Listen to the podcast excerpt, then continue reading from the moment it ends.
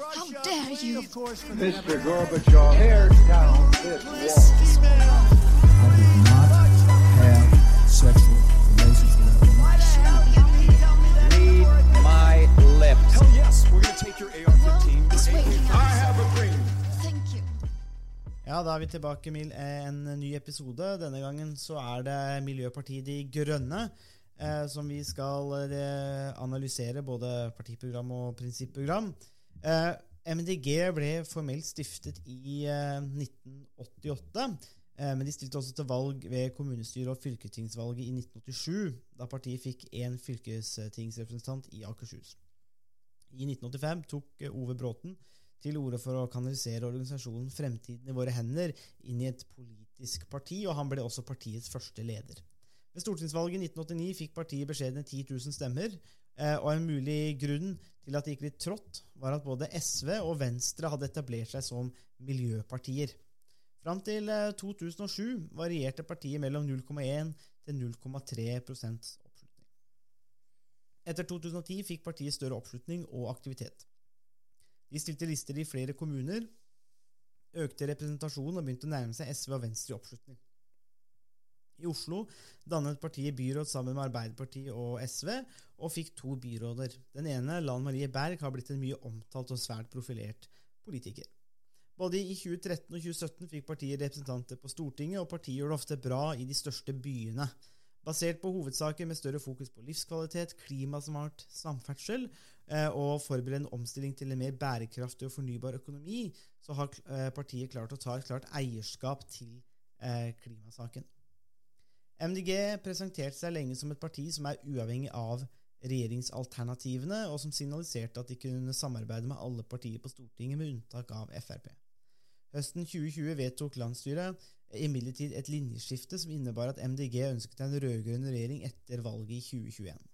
Partiet foretrakk et samarbeid med fortrinnsvis Ap og SV, men, signaliserte ikke noe ønske om å selv å ville delta i en regjering. I MDGs prinsipprogram fra 2013 heter det at partiets mål eh, er et medmenneskelig samfunn i økologisk balanse. Økonomien skal underordne sunne økologiske prinsipper og fremme fred og rettferdighet både lokalt og globalt. Livskraftige lokalsamfunn basert på lokale ressurser er en forutsetning for å nå målet. Partiet kan plasseres innenfor en større europeisk partifamilie av grønne partier. Denne eh, partifamilien preges av økologisk tenking, feminisme, pasifisme, grasrotdemokrati og kulturelt mangfold. Eh, grønne partier prioriterer vern av naturen fremfor videre økonomisk vekst. De er skeptiske til militær maktbruk og er opptatt av å fremme et samfunn preget av mer likestilling mellom kjønnene. På landsmøtet i 2021 vedtok MDG en rekke programposter som vil skape store endringer i det norske samfunnet hvis de får gjennomslag i Stortinget. Partiet vil redusere klimagassutslippene med 95% innen 2035, bl.a. ved å utfase petroleumsvirksomheten innen den tid. MDG vil også stanse salget av nye fossile personbiler innen 2023, og sier nei til å bygge ut nye motorveier. Partiet vil dessuten øke bompengene betydelig i storbyene. Dette er noe som har skapt mye hat eh, mot MDG, eh, og fullføre byggingen av Nordlandsbanen nordover. MDG har også som langsiktig mål å halvere kjøttforbruket i Norge. Store ambisjoner altså, men spørsmålet er står partiprogrammet i stil med ambisjonene. Um, jeg vet ikke helt. Um, jeg syns uh, MDG sitt uh, partiprogram um, skiller seg litt ut fra en del av de andre partiprogrammene vi har, har analysert uh, så langt. De er ganske svake på prinsippprogrammet og mange av de verdiene og ideene som ligger til grunn for um, politikken som de har i partiprogrammet. Så det er litt vanskelig å, å helt å avgjøre hvor de, hvor de, kommer fra, og hvor de, hvor de står på en del, del områder. de har vel, så vidt jeg kunne se, et av de aller lengste partiprogrammene, og når vi tar med prinsipprogrammet, så ender de på over 160 sider. Eh, ikke så veldig miljøvennlig hvis man skal printe det ut. Som vi da gjør, selvsagt. Selvfølgelig. I farge og enkeltsider. Ti kopier til hver. eh, Det er et av de mest detaljerte og omfattende partiprogrammene som, eh, som vi ser på eh, foran valget. Så spørsmålet om de, om de innfrir når det gjelder ambisjonene så, altså De har store ambisjoner, eh, og de har et veldig detaljert partiprogram. Eh, Det som er litt uklart, er hvordan eh, de, hvordan de, de ulike politikkområdene henger sammen, og hvordan de skal kunne realisere de ambisjonene de har. De vil bygge mye jernbane, og de vil stoppe de aller fleste veiutbyggingene. Eh, Noe som gjør at eh, det er vanskelig helt å se eh, hvordan det her henger sammen. Altså Man kan forsøke å forklare dette på en, en måte som tar utgangspunkt i endringer i trafikkmønstre, og hvordan man skal møte de behovene ulike grupper av befolkningen har. Og på 152 sider i partiprogrammet så burde de eh, vært tydeligere eh, på å forklare hva, eh, hvordan, hvordan de skal realisere de store ambisjonene de har. Så jeg er litt usikker.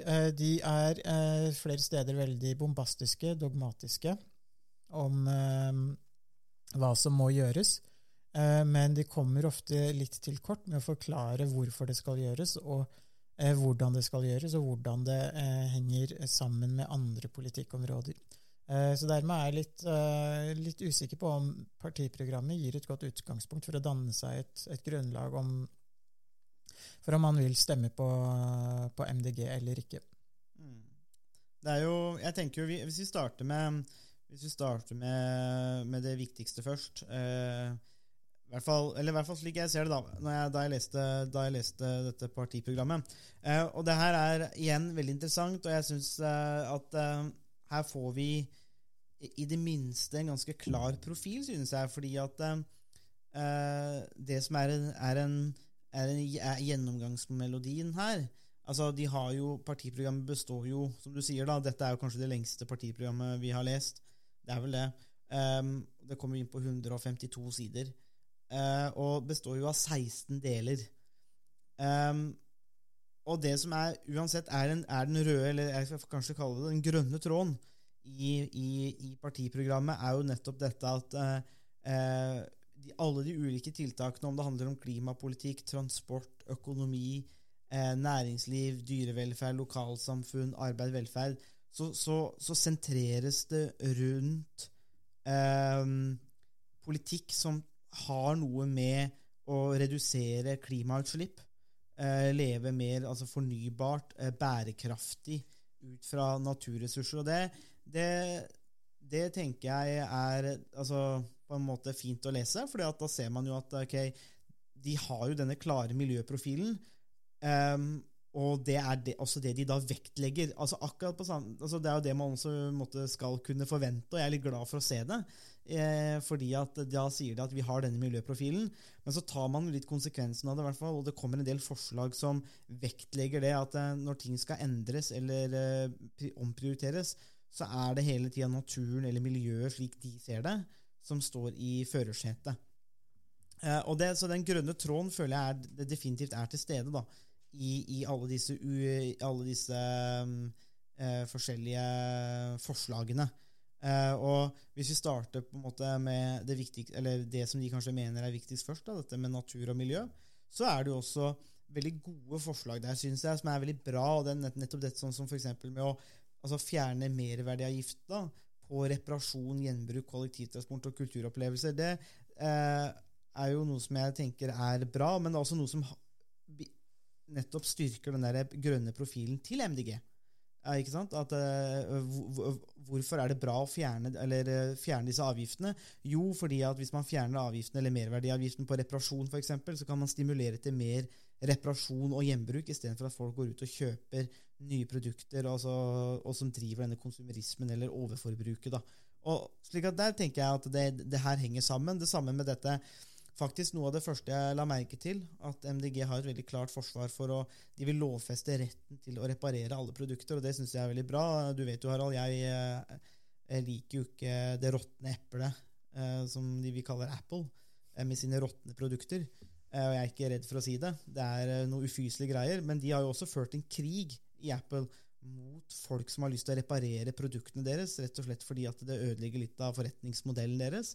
Eh, og, og jeg er jo veldig tilhenger av entreprenørskap, eh, kreativitet og, og evne til å reparere, og synes det er for gæli at man ikke skal kunne reparere disse produktene. Men i hvert fall når man vet hvor sjeldne disse mineralene er, og det ofte blir produsert av barn i, afrikanske land, og sånn, så tenker jeg liksom at det å kunne reparere er ganske viktig. Da, og det, det, det er, det, jeg starter med det beste først, egentlig, og det er at jeg liker en del av de tiltakene her. Men jeg liker det fordi det henger sammen med partiets grønne profil. Eh, så er politikken gjenkjennbar. Så kan man være uenig eller enig, men dette føler jeg, dette føler jeg henger sammen akkurat, akkurat på dette leddet. da. Uh, ja. Uh, uh, jeg er litt usikker på hvordan det Om det henger helt sammen, fordi ehm, det, som, eh, det som er eh, MDG sin kjerneverdi, er solidaritet.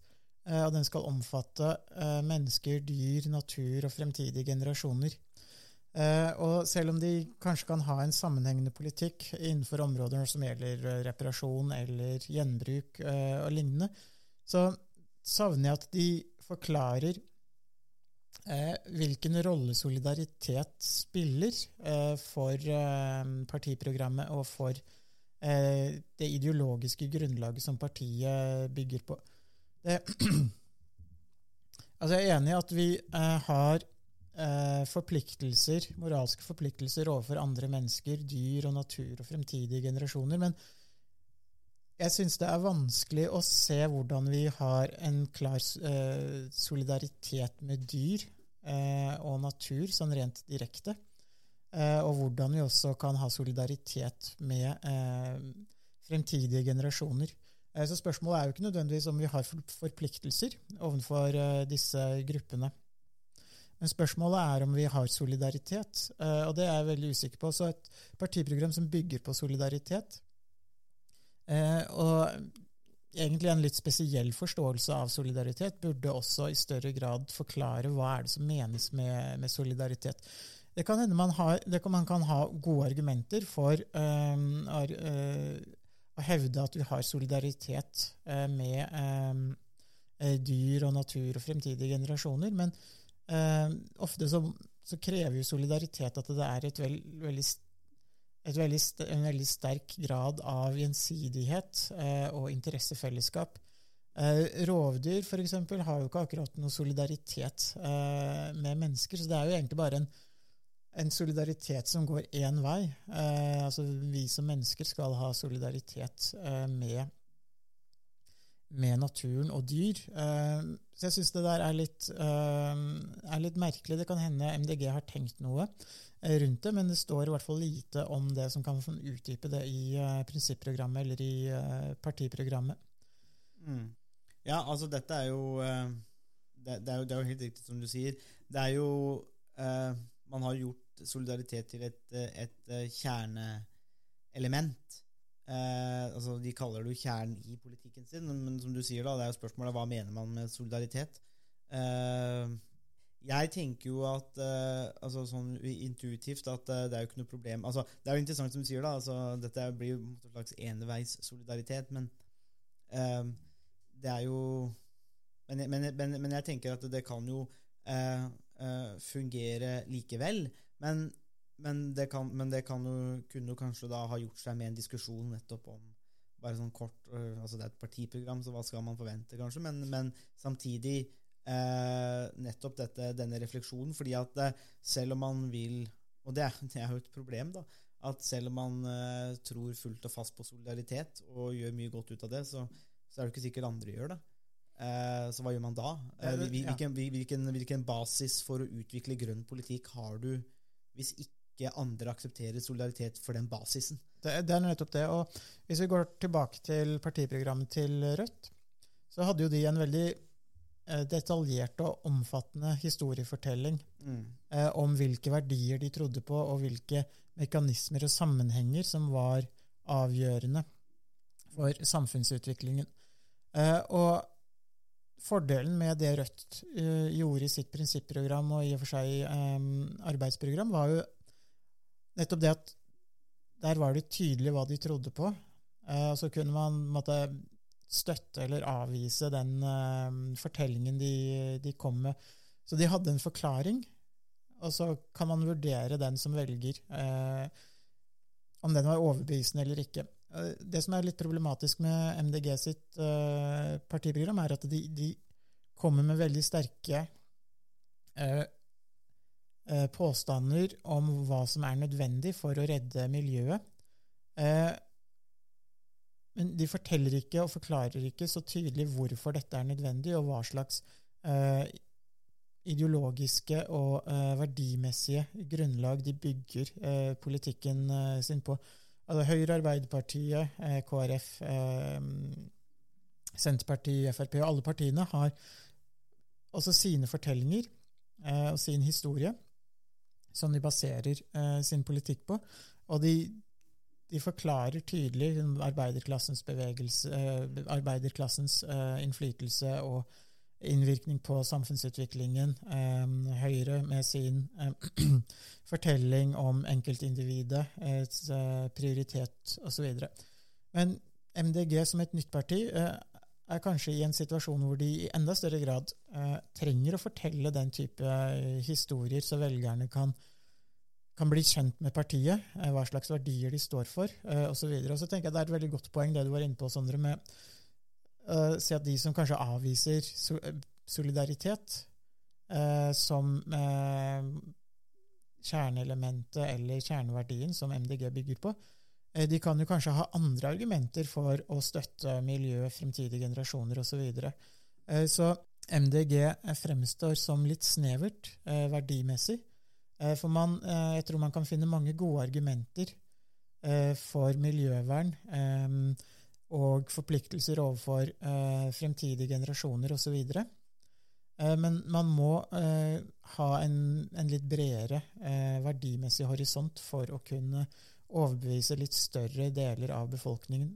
Eh, Og det er vanskelig å se hvordan eh, man kan strekke solidaritet til eh, natur, dyr og fremtidige generasjoner sånn umiddelbart. Der må man fortelle en, en mye lengre historie for å,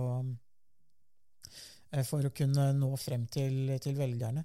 Men her er også kanskje litt eh, har også kanskje litt bakgrunn i at MDG eh, på samme måte som Rødt eh, i stor grad er et det man kan kalle et litt endimensjonalt eh, parti. Det er én konfliktlinje som er avgjørende. Eh, For Rødt så var det eh, arbeid versus kapital, eh, mens eh, for MDG så er det eh, miljøkampen, klimakampen, eh, klimaspørsmål eh, som er eh, den viktigste og nærmest den eneste politiske konfliktlinjen som, som de tar utgangspunkt i. Mm. Og det farger jo også partiprogrammet i veldig, veldig stor grad. Eh, så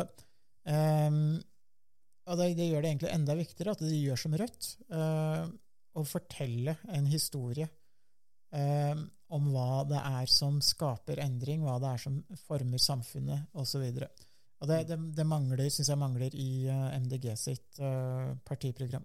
Mm. Det, det er, jeg tenker at det er eh, akkurat det du nevner der med den endimensjonale biten av det, er jo, er jo det som jeg var litt inne på i stad. At på en måte så er det greit når du leser det, fordi at, og, og der mener jeg at partiprogrammet henger sammen. altså de, de i, I den forstand at de er, er litt endimensjonale, men de, da ser du jo på en måte alle de andre samfunnsbitene gjennom denne grønne lens, linsa. Um, og det eh, vil jo da eh, sant, virke litt snevert uh, i en del sa sammenhenger, men samtidig så er det jo er det, jo det de gjør, da. Uh, og da kan man jo kjøpe det eller ikke kjøpe det. og Samtidig så gir det jo en del klar og grei, konkret politikk òg, fordi at man ser verden på den måten, og da det, kan man liksom uh, kjøre på med det. da. Eh, så akkurat den der, litt den der mer sånn endimensjonale delen der tenker jeg er er, er viktig. Og MDGs partiprogram slår meg også på samme måte som det, det gjorde da jeg leste SV og Rødt, at dette er partier som fremstår der man det, handler nesten litt mer sånn om identitet, på en måte. Altså, hvis man er med på den saken, så vil man ville treffe veldig. Og hvis ikke, så er jeg usikker eh, på om, om, om, om de er i, i stand til å overbevise eh, andre, på en måte. Um, men hvis vi, hvis vi hopper litt videre, for jeg tenker det var jo litt interessant dette med, med, med altså Det er jo mange ulike ting da som MDG ønsker å gjøre for å få ned utslippene, og vi er jo alle enige om at utslippene må jo ned. Um, og at uh, vi er nødt til å gjøre noe der. Det er jo de fleste enige om. Og så er spørsmålet hva er det man gjør. Jeg har all rister på hodet, men det, er, uh, det får han ikke lov til. Er, uh, Her er det ensretting. her, her er det, nå, nå må, du, må bli, du må bli rettlinja, Harald. Um, og, eh, men jernbane det var noe, noe jeg, For nå går jeg ned litt over det programmet og, som, jeg, som, jeg, som jeg la, meg, la, merke til. da. Eh, fordi at Vi har jo snakka litt om det før i de andre episodene, og jernbane er jo ganske viktig. Det er klart, Her er det også store utgifter, for man vil også bygge Nord-Norgebanen. Eh, enorme utgifter. Um, og så syns jeg at det var litt uh, interessant at uh, de skal bygge dobbeltspor der det er hensiktsmessig. Trønderbanen, Vossebanen, Ofotbanen og Jærbanen. Uh, men ikke Østfoldbanen. Det er tydeligvis ikke hensiktsmessig, Harald, å bygge, bygge dobbeltspor i, i, i, i Østfold. Vi har, klart, vi har, klart oss med ett spor vi siden slutten av 1800-tallet. Det klarer oss 100 år til. Det går bra. Ikke noe problem. Nei, det går bra. 100 år til det er jo, ikke noe, er jo overhodet ikke noe problem. Men det er jo, det er jo uansett um, Det er jo uansett uh, dette med Nord-Norge-banen og andre tiltak, det er vel kanskje det at eh, mange av disse tiltakene til, til, eh, til uh, MDG er ganske dyre tiltak, tenker jeg. Og, og, og, det er jo på en måte bra i den forstand at man skal jo være ambisiøs. Nord-Norge-banen er jo definitivt et politisk prosjekt. Uh, og så spørs det om det er nytt lønnsomt, eller hva det er. Det kan man jo anføre gode argumenter for og mot. men så vet jeg ikke helt om om, eh, om, eh, om, om, denne betalingsevnen, for det er jo det vi da snakker om her.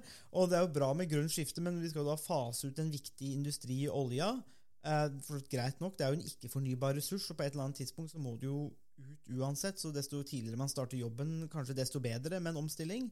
Eh, men så vet jeg ikke helt om jeg blir om jeg, Da jeg leser verdiskapningsbiten, om jeg blir Jeg vet ikke om jeg blir overbevist av MDG når man også skriver at vi vil mobilisere fellesskapets ressurser for å skape tusenvis av nye grønne jobber og bygge opp en eksportrettet industri.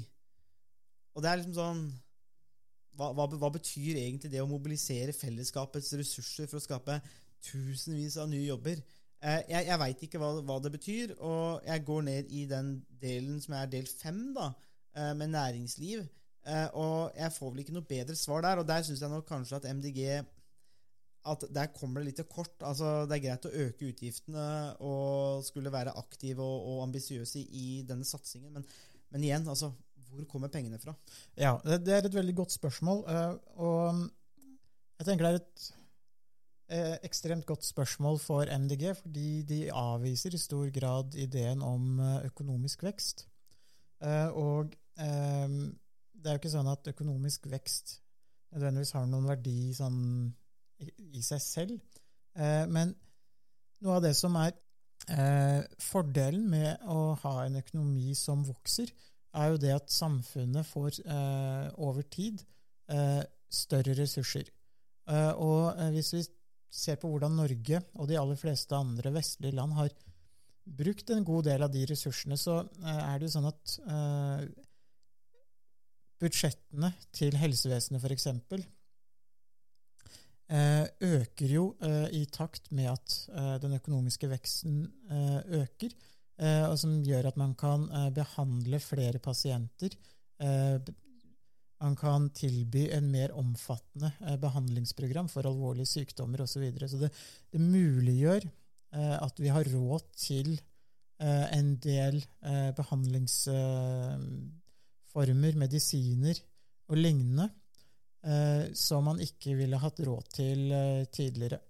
Så det innebærer jo at eh, vi i dag eh, kan behandle en rekke flere sykdommer fordi vi har mer kunnskap, eh, økt ressurser osv.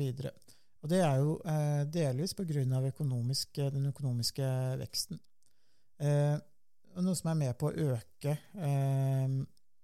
muligheten for å overleve mange alvorlige sykdommer. Så uten økonomisk vekst så vil så vil det være en mye tøffere prioriteringskamp om hva man skal bruke penger på. Det er klart, eh, Mye forbruk er jo i og for seg overflødig. Vi kjøper altfor mye klær eh, som vi ikke bruker veldig mange ganger og ofte kaster osv. Så, videre. så Så det er jo ikke det at eh, alt forbruk eh, er nødvendig. Og der eh, er det jo et godt poeng at man eh, kan redusere forbruket, men samtidig eh, så er den økonomiske veksten også noe som er med på å utvikle samfunnet, fordi vi får større ressurser til å, til å eh, behandle sykdommer, til å bygge ut velferdsgoder av velferdsstat osv., som har vært eh, noen av de prioriteringene som Norge, eh, som Norge har eh, valgt. Så spørsmålet er hvordan man kan opprettholde velferdsstaten uten økonomisk vekst.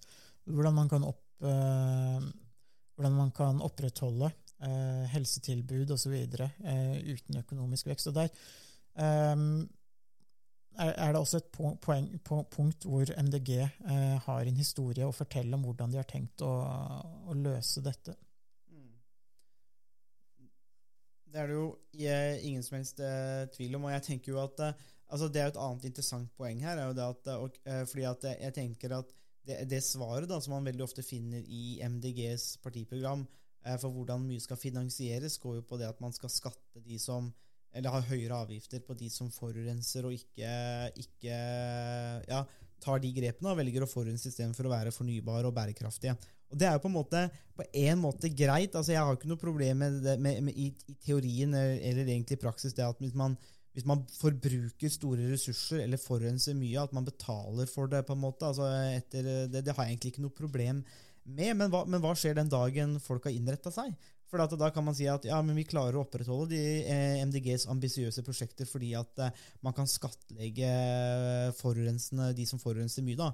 Men så tar de hintet, da. Økonomiske insentiver. Vi sier jo at ø, disse insentivene fungerer. Det er en slags økonomisk eh, truisme, det òg. At eh, folk responderer på insentiver. Så la oss si at folk responderer på disse insentivene og, eh, og går over til å være grønne. Hva skjer med skatteinntektene da, og hva skjer med finansieringen av de ambisiøse prosjektene da? Eh, når man baserer seg på dette. Så det Uh, igjen noe som uh, jeg tenker forblir litt sånn uforklart i, i MDGs uh, program.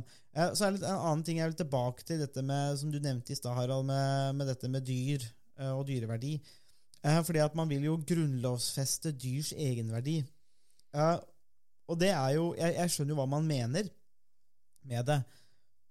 Men nå, nå, må, for nå, nå spør jeg på en måte spesialisten her i politisk teori, men eh, man, det er jo i hvert fall mange som ser på det å, å ha altså en grunnlov, altså en stat, en sosial konstrukt, altså der mennesker kommer sammen og har blitt enige om denne måten, måten å organisere seg sosialt på. Men, og grunnlov, blir på en måte en slags kontra, kontrakt i hermetegn, men altså en avtale mellom mennesker hvor alle er innforstått med hva det er. Men hvordan kan du, kan du gjøre det da unilateralt? eh, Og grunnlovfeste dyrs egenverdi på den måten i en grunnlov, som også er en sosial konstrukt, tross alt. Men er det, er det, gir det mening? Eh, Jeg syns ikke det gir eh, mening. Det er også veldig dårlig forklart eh, i MDG sitt eh, program. Altså Man får ikke noe begrunnelse um, for hvorfor uh, man ønsker å grunnlovfeste dyrs egenverdi. Og det ville jo gitt mening å grunnlovfeste dyrs eh, rettigheter, muligens. Eh, si at dyr skal behandles med respekt eh, eller eh, lignende. Eh, ikke utsettes for, eh, for ulike former for dårlig behandling. Men det man ønsker å grunnlovfeste, er jo egenverdien til dyr. Jeg er usikker på hva det egentlig innebærer. Hva er det man egentlig forsøker å beskytte? Hva er det man forsøker å, å oppnå ved å, gjøre, ved å grunnlovfeste eh, Ved å grunnlovfeste dyrs egenverdi. Eh, MDG har et annet punkt også, som er litt interessant, og som går litt på det samme, for de skriver at eh, barndommen har en egenverdi. Så det å være barn har en egen verdi i seg selv. Så hvorfor, hvorfor skal man ikke da også grunnlovfeste at barndom har en egenverdi? Uh, hvis det er noe som er helt grunnleggende og så viktig. Og det, det, framstår som litt rart. Eh, Det framstår også som litt rart å si at barndommen har en egenverdi. For betyr det at det er mer verdifullt å være barn enn å være voksen? Mm. Altså, jeg har ikke noe problem med å, å, at man kan argumentere for at barndom er viktig uh, og er verdifull, men at det er en egenverdi, er jeg veldig usikker på. Og der er det heller ingen forklaring på hva er det som gjør uh, at barndommen har en egenverdi. Er- Så er det sånn at barndom har en egenverdi, men det å være ungdom eller voksen ikke har en egenverdi. Mm. Uh, så, så- og det er litt sånn, Hvis barndom har en egenverdi, så burde det jo, så innebærer det jo egentlig at vi må forsøke å være barn hele livet. Eh, så det blir litt sånn Peter Pan-aktig. Mm. Eh, Peter Pan hadde vel også grønne klær, så det passer jo egentlig passer jo egentlig bra. Eh, så MDG blir litt sånn Peter Pan, eh, blir som Peter Pan-partiet, eller Peter, litt Peter Pan-aktig. Mm. Eh, det, det gir ikke noe sånn umiddelbar eh, mening. Eh, det kan godt hende det er noe som eh, har vært tenkt rundt akkurat den type forslag, men det er i hvert fall i, i liten grad forklart eh, på en måte som gjør at velgerne kan, kan forstå eh, hva som, eh, som menes. Mm. Og her, er det jo, her kan man bare legge til at liksom, de partiprogrammene vi har vært eh, mer positive til, som eh, KrF og Senterpartiet, så, så hadde man ikke den type formuleringer som, som sto fram som litt sånn rare og som litt sånn kantete og litt sånn hakkete. Der hadde man formuleringer som, um, som var basert på premissene i um, uh, i prinsipprogrammet uh, og verdiene som parti, partiene bygger på. Uh, men her mangler eh, MDG litt på å, å på få satt det sammen på en måte som, eh, som gir god, eh, god mening. Ja, og det, og det her er, men det her igjen er jo gjennomgangsmelodien, eh, tenker jeg, til en del av de partiene som Med en gang man blir eh, mer ideologisk, så, så er det også sånn at altså, ideologi er, er, inneholder jo en verdensanskuelse, en måte å se verden på, hvordan, og sterke normative standpunkt, altså hvordan man mener verden bør være. Eh, men fordi man også tar disse sterke standpunktene, så, så åpner man seg også opp for en del kritikk, i hvert fall hvis ikke disse tingene er gjennomtenkt eller godt nok formulert, eller som du kanskje sier da, Harald, i stad, at eh, hvis man ikke har fortalt en god nok historie, og det, det mangler jo kanskje litt her på denne historiefortellingen eh, for å på en måte kjøpe de tingene. altså eh, Det skal jo sies om, om Rødt at det var, det er, den historien er jo, er jo meget spesiell, egentlig, og veldig uspesifikk, men de brukte også mye tid på å fortelle den, eh, slik at eh, det gir jo en viktig kontekst. Eh, så det er noen, det er noen litt, usammenhengende ting der, tenker jeg. Nå som jeg bare sitter og scroller nedover, scroller nedover partiprogrammet, så et litt enklere punkt her, Harald. Fjerne moms på frukt, grønt og bær. Ja, det kan man gjøre. Altså, jeg, jeg tenker den type forslag gir mest mening hvis man ser på det hele skattesystemet, avgiftssystemet, under ett. Um, så jeg tenker at den, altså, den, den type forslag, altså om det er eh, momsfritak på, um, på frukt, eh, grønt og bær, det er i og for seg greit nok. Men altså um, hvis man hvis man ønsker å, å endre, få, få forbrukerne til å endre atferd, så, så er det ikke sikkert at det er dumt med den type forslag, om det er det ene eller, eller det andre. Eh, Så um, Ja, men Det er vel godt nytt for eplebøndene, kanskje? jo, det, det er det isolert sett. Uh, selv om jeg nå er jo ikke eplebonde lenger. Nei, så- men vi er, vi, vi, vi er jo en, en, en, lit, vi er en liten lobby uh, Vi er en liten interesseorganisasjon for norske eplebønder. I hvert fall i Østfold, da. To, tomanns uh, lobbyorganisasjon. Ja, for, for sterk nedsettelse av skatter og avgifter for eplebønder i Østfold. uten, uten tvil. uh, nei, nei, så det er uh, nei, så Jeg tenker den, den, type, den type forslag kan absolutt ha, ha noe for seg. Uh, og, og det er jo også Jeg tror det er viktig for et parti som MDG å ha, også ha den type forslag, fordi det kan fremstå som veldig opptatt av å kontrollere eh, atferden til forbrukerne. Eh, spesielt når det gjelder transport og bilkjøring. Eh, Frp var jo eh, kjøretøyenes beste venn. I hvert fall Mm. de som ønsker kjøretøykultur velkommen. Eh, og for MDG så er jo kjøretøyer egentlig mest ukultur, eh, mer enn noe annet.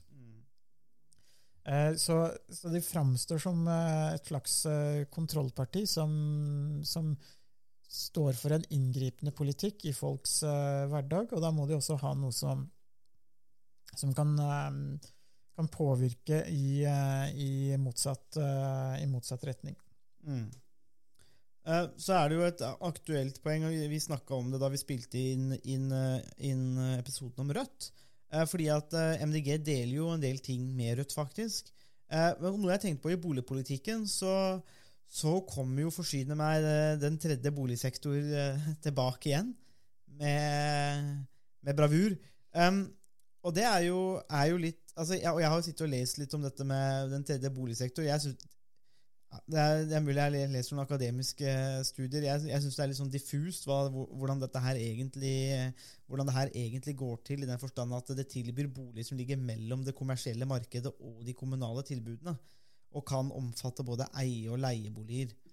Eh, og det skal jo da være potensielt for de som ikke har råd til å kjøpe i dagens marked, de som kanskje kunne kjøpe, men som over tid ikke har økonomisk mulighet til å ta et stort lån, og de som ønsker å bidra til å delta i alternative økonomiske eller verdisystemer enn det man finner innenfor dagens tilbud, eller de som av ulike årsaker ønsker å leie eller deleie framfor å eie utenfor den private sektoren. Og det er en sånn eh, Igjen, altså Det, her- det syns jeg var, er, er herlig diffust, sjøl når jeg får de, definisjonen. Så det, men så tenker jeg litt av det samme som gjelder med Rødt, eh, som vi snakket om. at hvem, hvem er det som skal bygge ut da?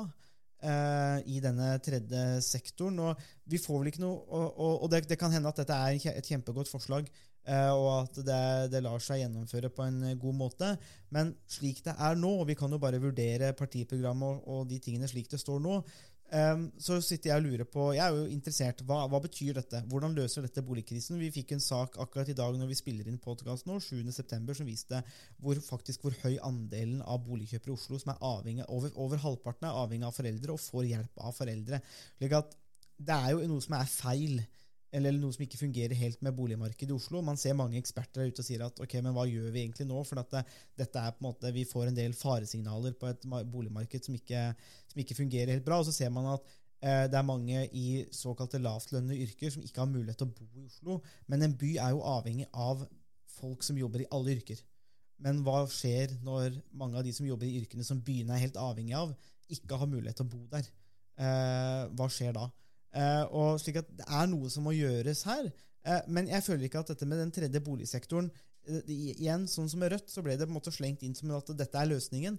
Jeg skulle nok ønske at det var bedre forklart og hvordan dette egentlig skulle løses. Hvem er det som står klare til å bygge ut, og hvordan skal det, egentlig dette fungere? Jeg synes ikke, på, Til et så alvor, alvorlig spørsmål så tenker jeg at det hadde fortjent mer utfyllende beskrivelser.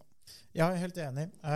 Men der, ehm, der er jeg usikker på om MDG er mye verre enn mange av de andre partiene også. Eh, de fleste partiene har jo skrevet noe om eh, boligpolitikk, eh, men de er veldig utydelige, egentlig alle partiene, når det kommer til hva som egentlig kan, kan gjøres. Det som, det som er det store dilemmaet, er jo at vi ønsker på mange måter et, et boligmarked eh, som fungerer etter markedsmekanismer og eh, mer kapitalistiske prinsipper. Eh, fordi det, det er mange som, som har tjent på det over tid. Eh, og eh, en veldig stor andel av Norges befolkning eier jo sin egen, eh, jo sin egen bolig, selv om det har vært svakt synkende de siste fem-seks årene, hvor det er i hvert fall én prosentpoeng, hvis jeg husker riktig, som færre som eier egen bolig enn eh, enn tidligere. Og det er et kjempeproblem i mange eh, storbyer i, i Norge. Eh, hvordan man skal eh, sikre eh, eh, boliger som folk har eh, råd til, og som folk har lyst til, eh, til å bo i. Ingen har veldig gode svar på, eh, på det spørsmålet. Eh, Det kan hende at eh, om ikke lenge så vil boligprisene krasje. Og da vil jo problemet med høye boligpriser i og for seg løse seg av seg selv. Mm. Eh, problemet med det er jo at da vil bankene stramme inn, og det vil eh, antagelig være vanskelig for mange å få lån eh, likevel. Eh, Mm. Så det man ser i mange markedsøkonomier, er jo at det, det er aldri en slags sånn balanse mellom eh, tilbud og etterspørsel, mellom priser og det folk ønsker. Det vil alltid være ganske store eh, stort gap mellom det mange ønsker og det som, som man kan tilby. og det, eh, det eneste som på en måte kan gjøre det akseptabelt, er jo det at alternativene eventuelt er verre eller eh, mer uklare. Eh, Så, så der finnes det ikke så mange gode løsninger, dessverre, tror jeg. Eh, Og ehm, eh, det lave rentenivået er jo også med på å holde boligprisene, eller veksten i boligprisene, såpass høy som det den, som det den har vært. Um, så man ser jo nå at befolkningen i Oslo har jo sunket det siste, siste året. Mange har, det har vært en netto utflytning i forhold til, til tidligere. Kanskje, kanskje det man ser, er at over tid så flytter folk fra, fra Oslo, at det eventuelt kan dempe boligprisveksten eh, noe. Mm. Ja, vi får, vi, vi får se. og jo, jeg, må, jeg, må, jeg må jo bare understreke igjen da, for min egen del at, at jeg er veldig glad i jeg, altså jeg er glad i, i, i gode ideer, i glad i spennende ideer, ambisiøse ideer om hvordan man løser samfunnsmessige pro problem. Eh, og svaret kan jo på ulike problemer kan jo ligge på ulike sider av politikken. Jeg har jo null tro på at ett parti skal sitte med løsningen på alle. Det tipper de det er gode svar å hente eh, på, all, på alle sider, og noen kanskje har kanskje flere gode svar ut fra hva man liker, enn andre. Men, men det er, så det, det eneste jeg etterlyser når det kommer til dette da, med den tredje boligsektoren, er rett og slett bare bedre forklaring. Altså Som velger så er jeg interessert i å vite hvordan fungerer dette annet enn et løfte om at eh, vi får så og så mange prosent flere boliger, og at uh, dette løser problemet. Det er, bare, det, er, det er egentlig det jeg etterspør. Uh, litt mer konkret politikk. Som en inter interessert velger så vil jeg gjerne vite det. Eh, Så det går egentlig mest på det. Men vi ruller videre, Harald, eh, til, til ditt kjerneområde. Demokrati og inkludering.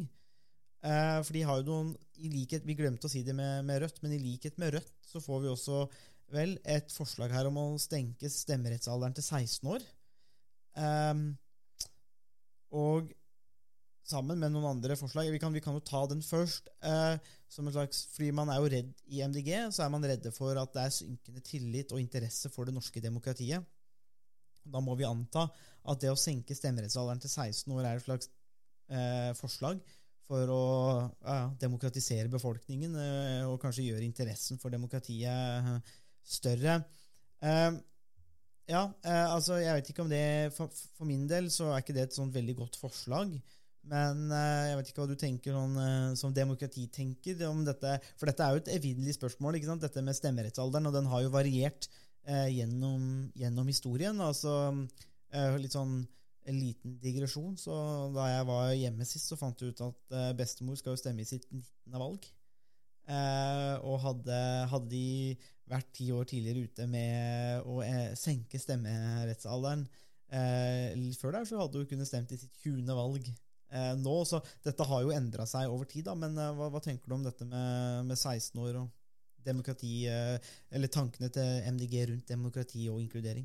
Eh, ja. Eh, om man eh, senker eh, stemmerettsalderen, så er det ikke sikkert det vil ha kjem, kjempestor uh, betydning nødvendigvis. Det er kanskje snakk om at uh, man vil kunne få uh, kanskje rundt 100 000 flere mennesker som, som stemmer. Um, det er klart det kan jo være med på å avgjøre et valg. Tippe eh, tippe noen partier over sperregrensen, f.eks. Men det er ikke sikkert det vil ha så veldig stor betydning sånn i seg selv. Eh, det, det som er fordelen med at man har stemmerettsalderen på 18 år, er jo at da, det er den, da man er eh, myndig. Mm. man kan kjøre bil, drikke alkohol, og man blir behandlet som en voksen i rettssystemet osv. Så, så det er et, en tydelig markering av at nå er du en voksen person som vi har eh, forventninger til, som må ta ansvar, eh, som har rettigheter osv.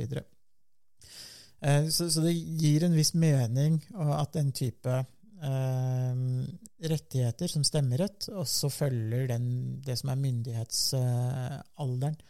Eh, men bortsett fra det, så er det ikke sikkert jeg vil altså Jeg tror ikke det nødvendigvis er så veldig drama, et veldig dramatisk forslag, men jeg tror ikke nødvendigvis det er et det vil redde demokratiet. Det er et halmstrå eh, å tenke at det er det som skal redde demokratiet.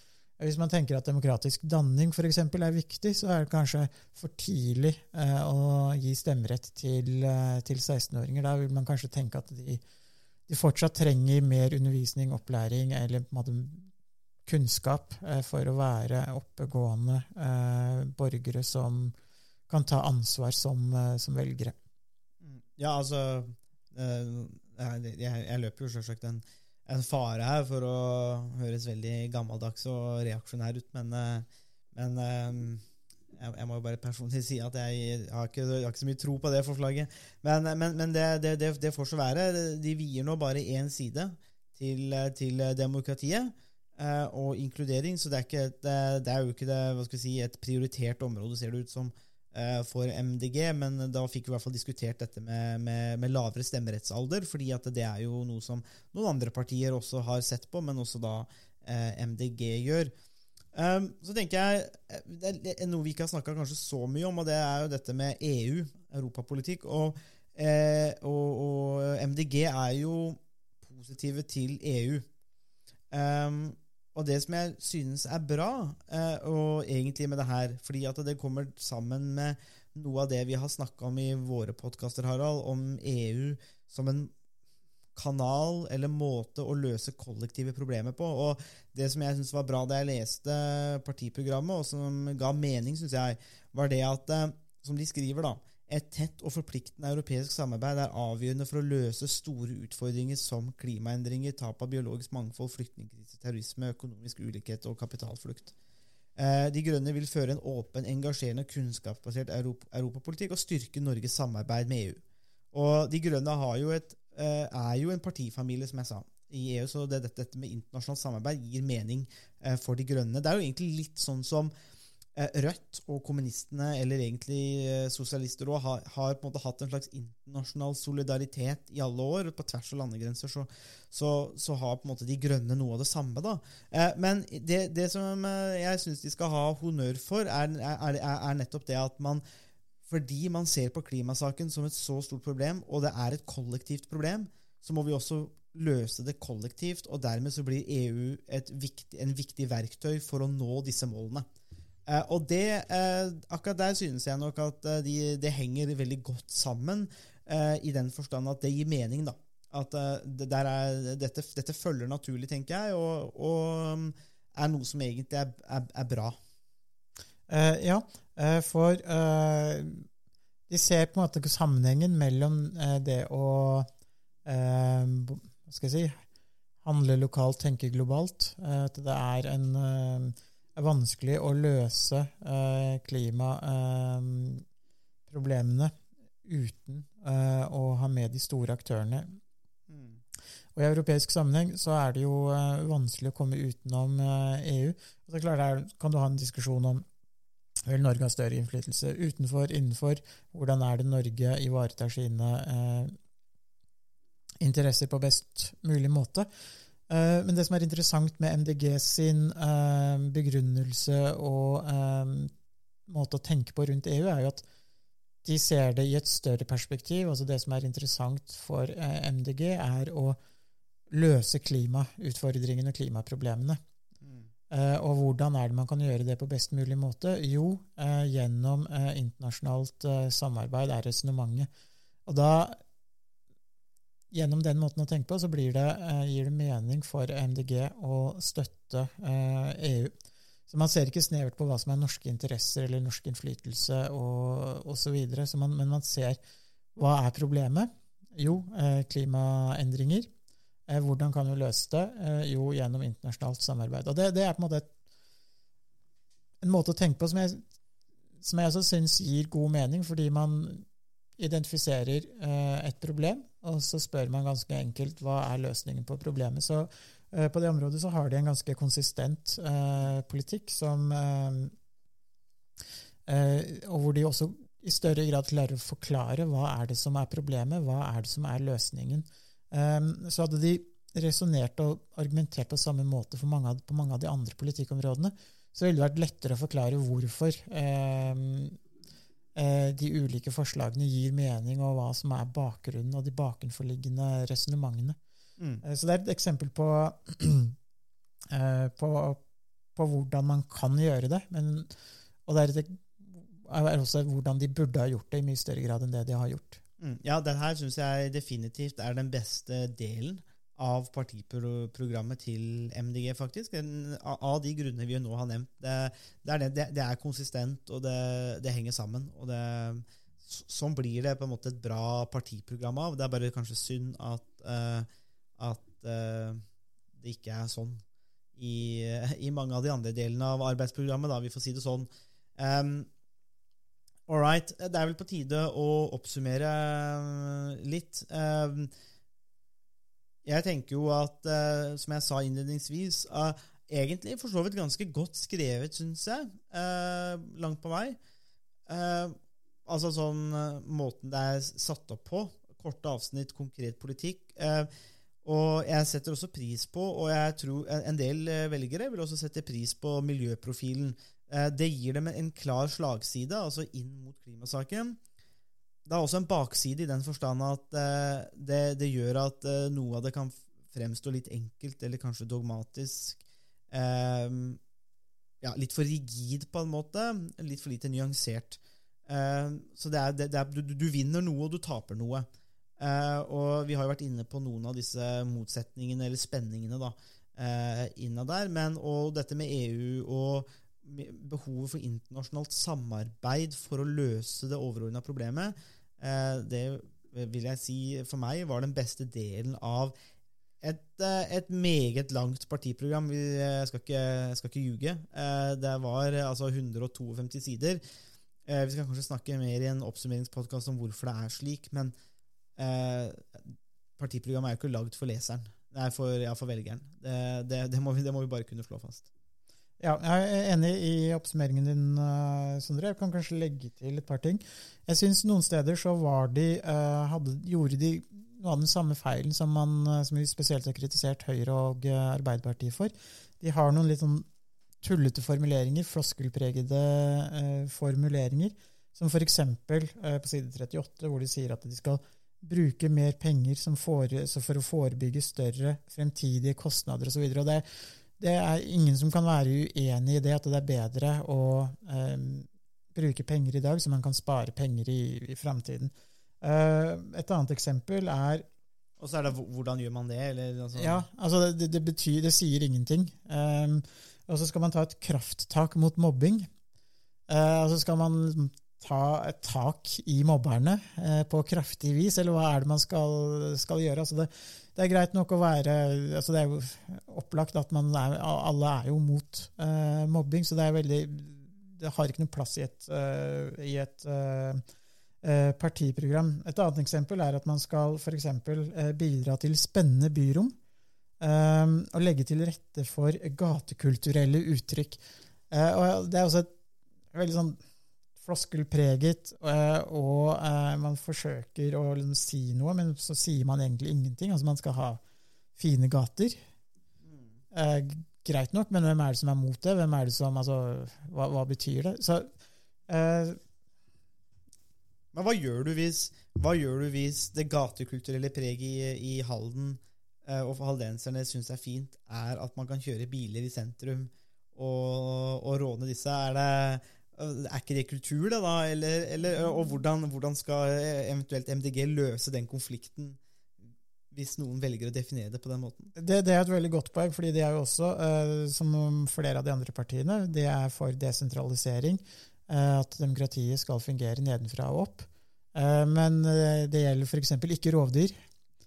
Eh, så det gjelder ikke på de områdene hvor eh, det, det kolliderer med MDG sitt, eh, sitt program. Altså, da ender man opp med uh, kanskje bli uh, et kontrollparti i større grad enn det som mange velgere setter pris på.